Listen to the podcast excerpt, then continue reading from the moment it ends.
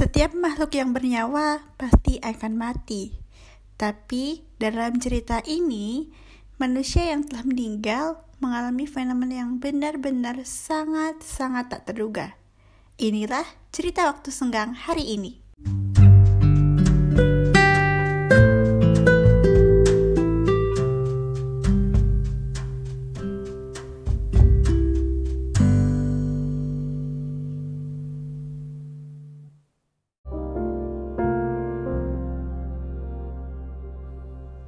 Cerita Waktu Senggang Season 12 Episode pertama.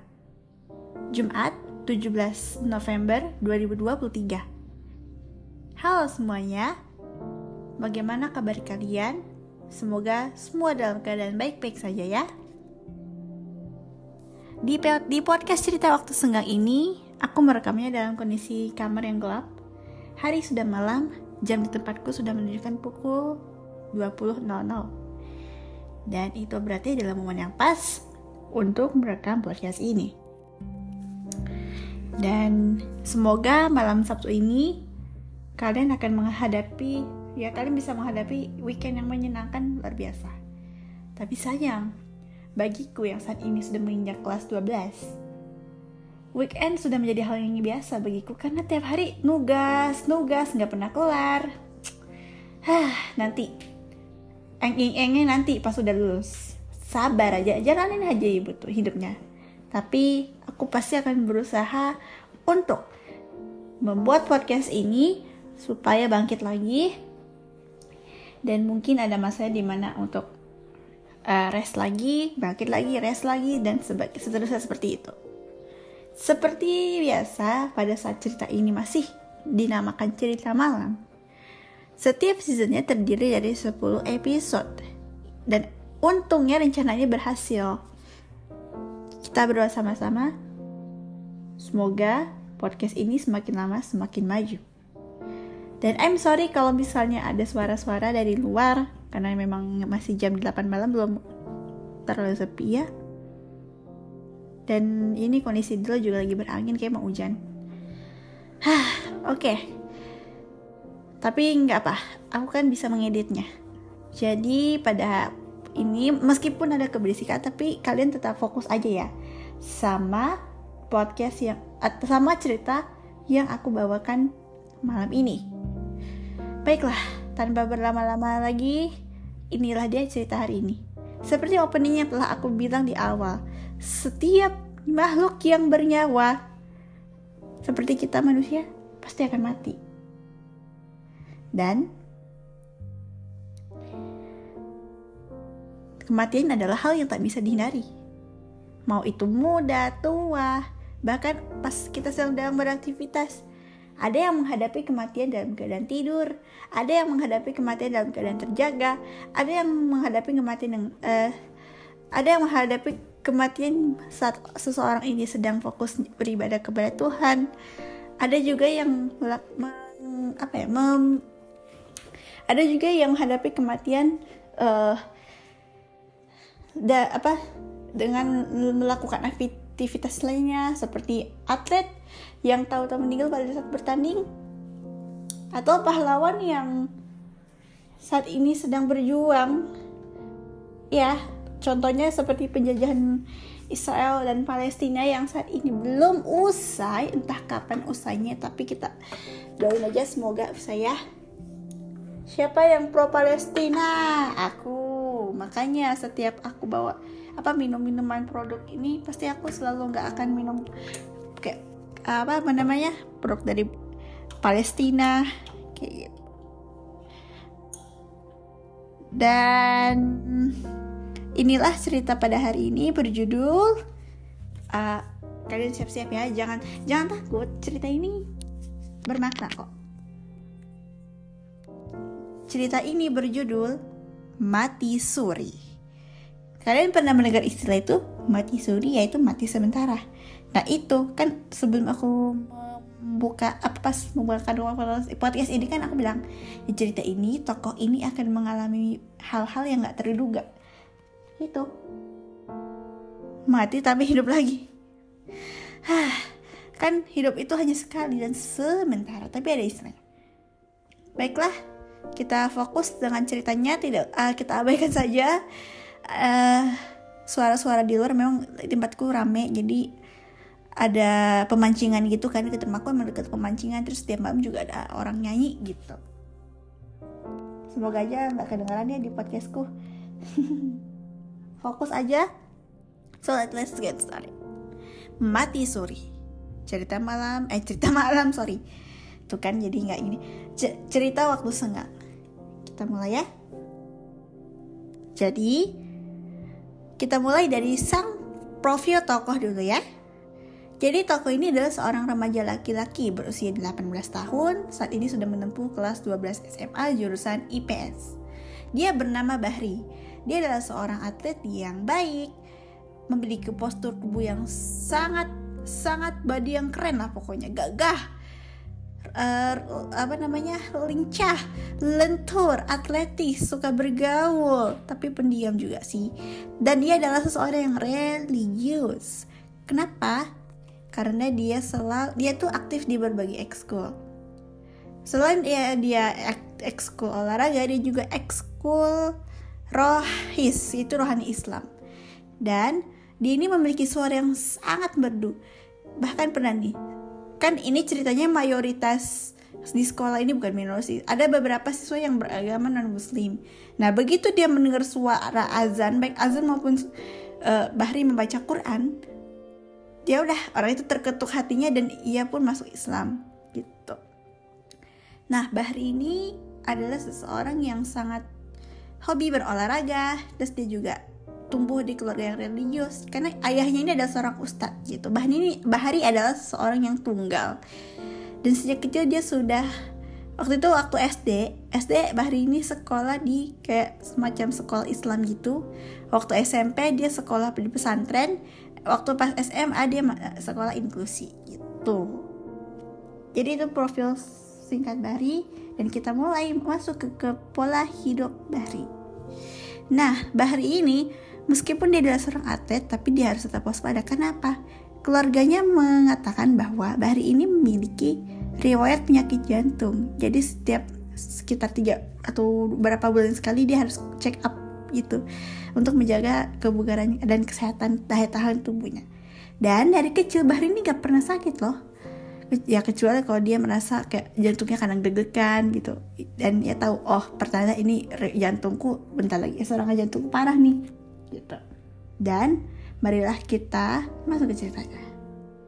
Jadi, cerita mati suri ini berawal dari suatu hari seusai olahraga. Jam ke-6. Jadi eh, jadi sekolah ini ada 10 mata apa jam pelajaran. Jam waktu jadwal olahraga jam ke-4, 5 dan 6. Dan yang ngajar olahraga ceritanya namanya uh, Pak Herman namanya. Dah kan udah selesai terus kan Bahri ini juga aktifkan siswanya gitu.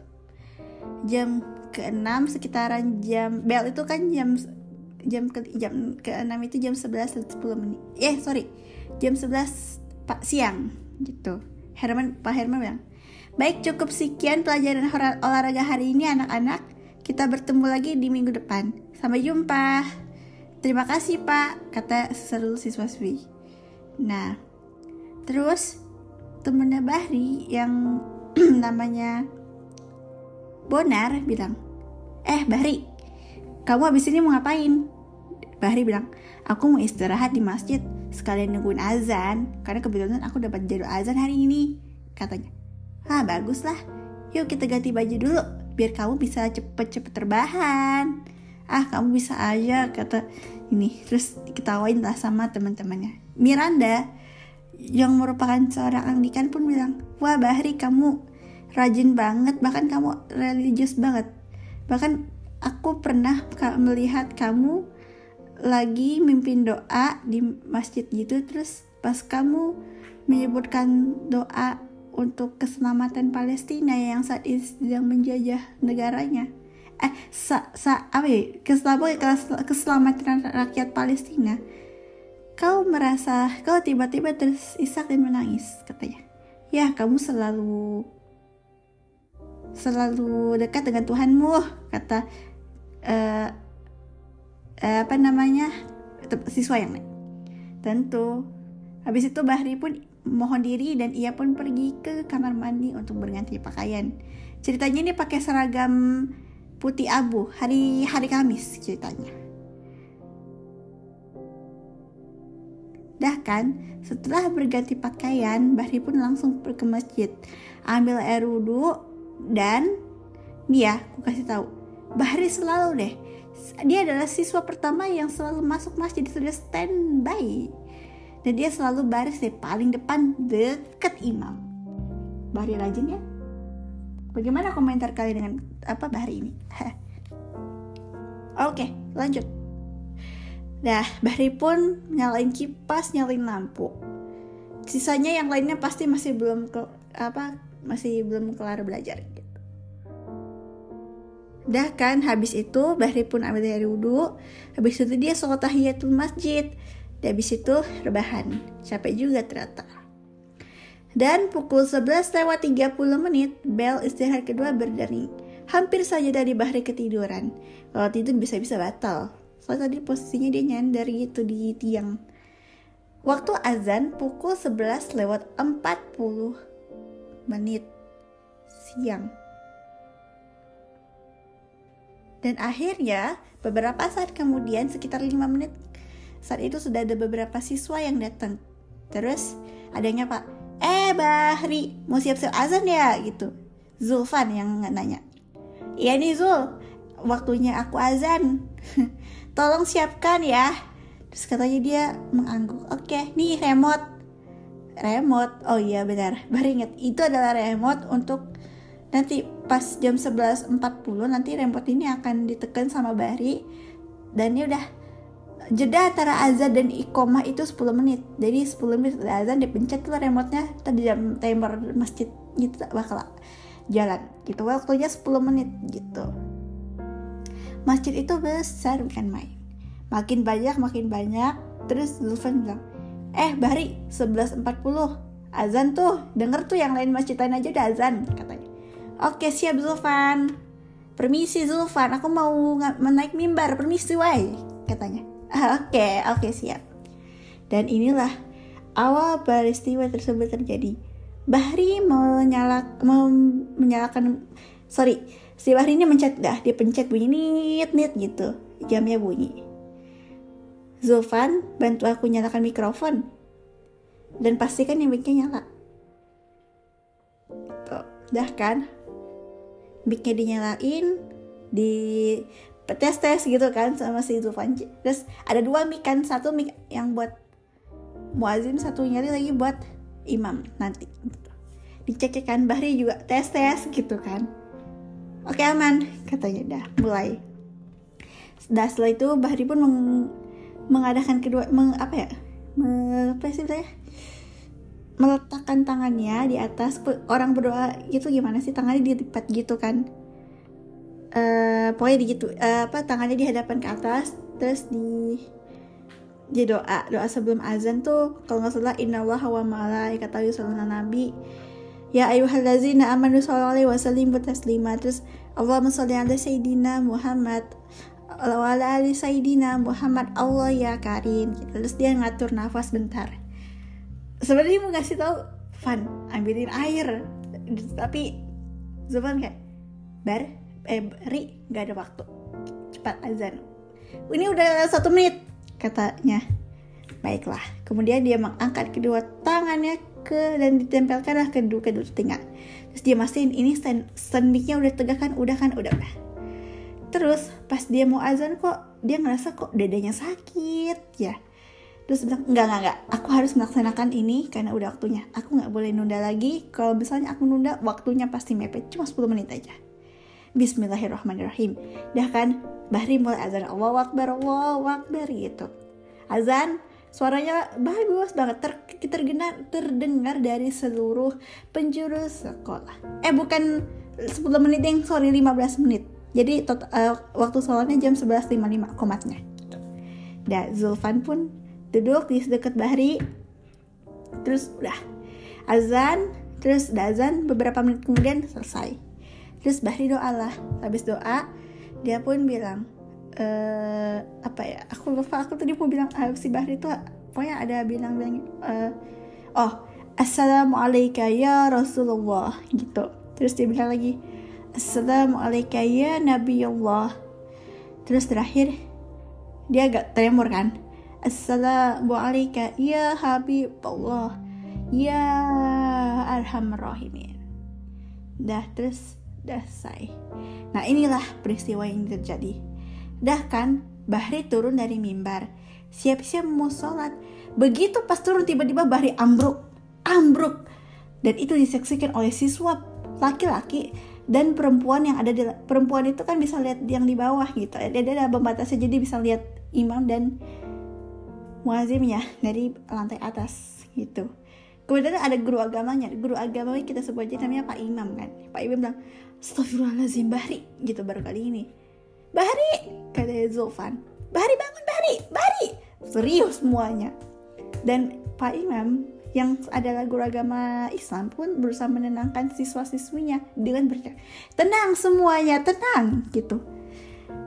Terus habis itu ya kondisi udah gak kondusif lagi. E, di barisan safnya masing-masing tuh mereka kayak khawatir duh Bahri kenapa nih? Jangan bilang kenapa-napa nih. Bahri gak bergerak sama sekali tiba-tiba beberapa detik setelah Bahri ambruk terdengar suara rangan dari Bahri. Ah, gitu. Rangan yang sangat-sangat keras. Bahkan saking kerasnya apa itu hampir kedengeran tuh dari mic gitu. Bahkan di luar saya guru kayak nih heboh ada apa di masjid ini? Gitu guru agama perempuan kan. Nah guru-guru perempuan yang Islam gitu. Heboh lah satu sekolah astagfirullah. Bahkan yang non muslim aja kaget. Loh ada peristiwa apa ini? katanya dah terus habis itu satu menit kemudian suara erangan Bahri melemah. Setelah itu di uh, Zulfan mendekatkan bilang Bahri kamu kenapa? Bangun Bahri bangun. Kamu sakit wajah kamu pucat banget kata Zulfan. Bahri cuma bisa uh, apa ya mengerang aja. Terus dia kan nyentuh Bahri kan. Zulfi bilang waduh Bahri Bahri ingat Allah Bahri ingat Allah kata Zulfan. Zulfan feelingnya udah ini. Ini Bahri udah meninggal. Bener aja. Bahri pun bilang la ilaha illallah dibantu sama Zulfan. Guru agamanya pun hanya cuma terdiam aja Pak Imam bilang. Zulfan apa kamu apa yang kau ingin lakukan pada Bahri aku ingin membuat ia mengingat Allah Pak. Bahri katakan La ilaha illallah Bahri La ilaha illallah. Bahri Dan dengan suara gemetar dia bilang La ilaha illallah. Benar. Dan beberapa saat kemudian Zulfan Dia bisa merasakannya. Bahri menghembuskan nafas terakhir Dan saat itu Zulfan berdiri. Dia raih mikrofon Imam, eh, Pak Imam bilang Zulfan kamu ngapain ah? Jangan bilang kamu mau Pak maaf saya harus mengumumkan ini. Assalamualaikum warahmatullahi wabarakatuh gitu kan dari penjuru sekolah. Eh pokoknya dari dari penjuru sekolah. Semuanya tolong tenang. Saya ingin menyampaikan satu kabar yang ya saksinya adalah saya. Ada apa? Ada apa? Kata siswanya. Inna lillahi wa inna ilaihi rajiun. Kullu nafsin da'iqatul maut. Bahri kaget bukan main. Bahkan yang di lantai atas saja kaget. Perempuan yang gak sholat maksudnya di, di lantai atas masjid maupun lantai atas di sekolah di koridor di kantin semuanya. Bahri kata Ferdinand. Ferdinand itu Ferdinand itu teman sekelasnya Bahri ya. Bahkan uh, Miranda pun juga kaget mendengar Bahri Bahri serius meninggal. Setelah dikonfirmasi iya benar, pas dicek jantungnya nggak ada, nadinya nggak ada, nafas yang ada. Ini harus cepat-cepat. Zulfan, kamu anak IPS kan? Saya MIPA katanya. Oke. Okay. Bahri IPS. Kamu punya teman mungkin yang kamu kenal di anak IPS? Uh, iya pak, namanya Farhan. Udah, bilang ke Farhan, mana dia Farhan? Farhan, sini kamu, kata Pak Imam. Farhan bergetar. Ada apa pak? Katanya. Tolong kamu hubungi orang tuanya Bahri. Sekarang juga. Terus, kamu kan ketua kelas kan? "Eh, i- iya pak kata Bahri. Eh kata sorry kata Farhan. Iya pak saya ketua kelas IPS kata. IPS berapa kamu? Kamu sekelas sama Bahri kan? "Eh, iya pak saya IPS 3 kata. IPS 3 oke. Kamu bawa ponselmu nak eh ponsel saya di kelas pak. Saya kalau ke masjid nggak pernah bawa ponsel kata Farhan oh gitu ya. Yaudah sekarang kamu cepat ke ruang piket. Kamu telepon lah dari telepon sekolah. Bilang kedua orang tuanya Bahri eh, dipanggil sama pihak sekolah sekarang juga gitu. Jangan bilang kalau Bahri meninggal ya jangan jangan. Nanti kita bilangin aja. Nanti kamu bilang aja bapak ibu gitu ya. Eh pihak sekolah memanggil Bahri. Ditunggu gitu. Baik pak siap katanya. Terus abis itu em Zulfan eh, apa Pak Imam bilang Zulfan yuk. Kamu sama Pak Banta eh Pak Ba- sorry. Kamu sama Pak eh siapa ya namanya ya? Aku belum ngedetail nih. Eh siapa namanya ya? Eh oh kamu sama Pak sama Pak apa Pak eh, Pak Ali ya eh bukan Pak Ali Pak Adi. Kamu sama Ustadz Adi gotong Bahri ini ke ruang UKS UKS kata Zulfan iya. Kita tungguin kok oke? Oke pak baik. Setelah itu Bahri pun langsung dibawa ke UKS nggak ada orang untungnya dan UKS dikunci setelah itu Zulfan pun balik lagi ke masjid dan pas cek oh 11.53 2 menit lagi 2 menit lagi. Kondisi masjid sudah mulai kondusif dan Zulfan pun mulai mempersiapkan diri. Dan dalam hati pas dia berdiri dia bilang Syahid Bahri katanya. Dua menit kemudian ikomah pun dikumandangkan dan sholat zuhur berjalan lancar seperti biasa. Setelah itu sekitar pukul 12 lewat 15 menit, setelah itu orang tuanya Bahri pun datang ke ruang piket. Dan ia bertemu dengan Pak Imam beserta Bahri yang baru aja selesai sholat, sholat zuhur. Selamat siang, eh, Bu, Pak, gitu. Ada yang ingin saya sampaikan, mohon maaf. Jadi begini, Bahri, abis itu dicerita, diceritakan lah semuanya. Saya saksinya, kata Zulfan. Dan Farhan pun juga ikut melihat sendiri. Bah, kedua orang tuanya pun gak percaya. Kayak, seriusan saya gak percaya. Sekarang Bahri di mana? Bahri di mana? Biar kami lihat. Dia sedang di UKS. Kita baringkan di UKS, katanya. Baiklah, antar kami ke UKS sekarang. Kami belum percaya. Akhirnya setelah di UKS barulah kedua orang tuanya nggak percaya. Bahari anak satu-satunya, Bahari anak satu-satunya, kata ayahnya sambil nangis. Pasti dia kena serangan jantung. Pasti cross check lagi benar, Bahari ini punya riwayat penyakit jantung rupanya. Orang tuanya tahu.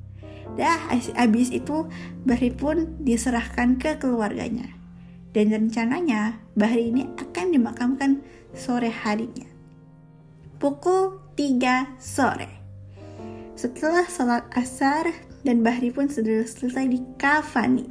Nah kan terus dibawa ke masjid dan setelah mereka selesai sholat asar dan inilah peristiwa yang membuat semua orang heboh. Jadi gini, kan Farhan sama Zulfan ini rumahnya satu kompleks sama Bahri. Dia ikut juga, ikut apa namanya sholat berjamaah. Nah, pas Zulfan sama uh, Farhan ini mau sholat, sholat jenazah bareng sama warga lain, tiba-tiba kan kebetulan si Zulfan ini ada di deket jenazahnya si Bahri.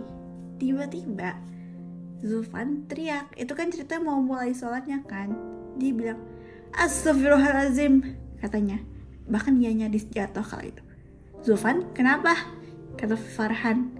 Seluruh warga pun kaget karena memang dia teriak itu di deket mic, jadi kedengeran gitu. Uh, uh, Pak, apa? Maaf, uh, ada yang ingin saya sampaikan, katanya. Ya, ada apa, nak? Tadi saya melihat, ya, kamu melihat apa? Gitu. Terus pas dia mau cerita dia nggak sanggup cerita. Soalnya apa? Ya karena pemandangan tersebut sorry aku aku sambil apa beraktivitas karena pemandangan tersebut menakutkan bagi Bahri eh Bahri bagi Zulfan. Dia saat itu ngelihat uh, si kedua matanya Bahri ter apa bergerak. Uh, terus dia bilang Farhan Han kamu lihat nggak? Katanya anak-anak ada apa sih? Kata warga yang lagi uh, uh, Pak Ustadz uh, coba lihat mayat Bahri. Perhatikan deh kok ada yang aneh. Aneh gimana? Kan dia sudah meninggal. Gitu. Akhirnya nggak percaya diperhatikan lah. Terus dia melihat kedua mata Bahri melotot. Setelah itu dia kedua matanya terbuka sempurna. Dan satu persatu anggota tubuhnya mulai bergerak. Terus dia bilang panas panas bukain kainnya gitu seluruh warga yang mendengar mayat itu bicara pun kaget. Ih jangan bilang Bahri ini matinya bohongan lagi. Tapi semua orang kayak kaget juga. Bahri hidup Bahri hidup katanya. Tolong bukakan kain kafan ini katanya. Dah habis itu dibuka satu persatu dan tampaklah aurat Bahri. Cepet ambil baju Bahri kata ibunya Bahri. Ke eh kata salah seorang warganya. Kebetulan masjidnya ini seberang sama rumahnya Bahri jadi dekat. Satu menit kemudian baju dan celana milik Bahri sudah siap dan auratnya tertutup lagi. Bahri pun tersengal nafasnya terengah-engah. Dan Bahri pun dan Bahri pun akhirnya men, berusaha untuk menenangkan diri dan Bahri pun sudah tenang. Lima menit kemudian, di hadapan warga sekitar, Bahri berdiri dan berkata, Bapak-bapak dan ibu-ibu semua, maaf dalam mengaitkan kalian. Sebenarnya apa yang terjadi? Akhirnya Zulfan menceritakan, Bahri, tahu nggak? Pas kamu selesai mengumandangkan azan, kamu ambruk. Terus kamu mengerang kesakitan gitu. Dan kamu meninggal dunia. Meninggal dunia, katanya. Oh, aku hidup lagi. Apa aku mati suri? Tunggu, aku melihat Bahri terdiam, kemudian air matanya mengalir. Bahri, teman-teman, aduh, berat sih untuk menceritakan hal ini. Aku akan menceritakan pengalamanku selama masih di Suri. Sebenarnya pas aku ambruk itu, aku sebenarnya dalam kondisi setengah sadar. Dan aku bisa mendengar keriuhan masjid. Semuanya menenangkan seluruh siswa-siswi dan akhirnya aku merasakan sakit yang luar biasa. Begitukah sakaratul maut? Katanya. Terus dia bilang lagi, Bapak-bapak dan ibu-ibu semua, aku bersyukur karena aku masih diberi kesehatan dan aku bisa hidup lagi. Dan aku merasa bersyukur aku bisa hidup lagi. Jadi setelah nyawaku dicabut, datanglah dua orang. Satu pakai baju satu pakai jubah hitam dan satu lagi pakai jubah putih. Dia mengaku dia adalah malaikat. Kemudian aku seperti dibawa ke atas langit dan dari situlah aku melihat. Nah suara bergetar Bahri bilang, aku melihat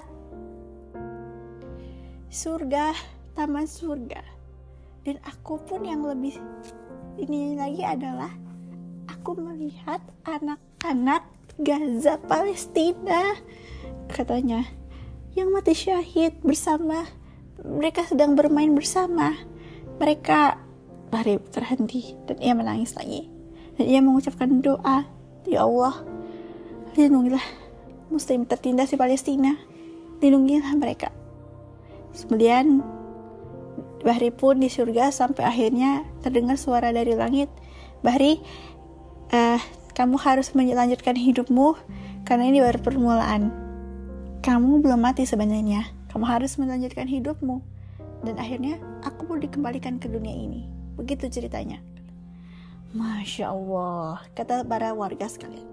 Baik, dengan begitu soal jenazah dibatalkan. Buat apa aku mengeluarkan biaya uang mahal untuk kepengurusan jenazah semahal ini? Bahkan abis itu bubarlah kerumunan warga. Keesokan harinya, kabar mengenai Bahri yang hidup kembali pun nyampe ke seluruh sekolah. Pas Bahri masuk, salah seorang siswa bilang, ada hantu, ada pocong, rohnya Bahri hadir. Katanya, teman-teman, aku hidup, katanya. Dan Bahri pun kembali menceritakan pengalamannya selama mati suri. Saksinya adalah aku dan Zulfan, kata Farhan dan sambil menepuk-nepuk badan Bahri. Oh, oke. Okay. Jadi dari pengalaman ini, ya kita bisa membayangkan deh juga ada fenomena seperti itu.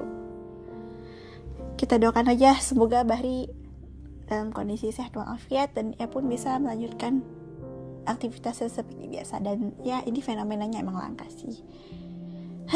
dan ya begitulah cerita tentang mati suri ini. Gimana menurut kalian?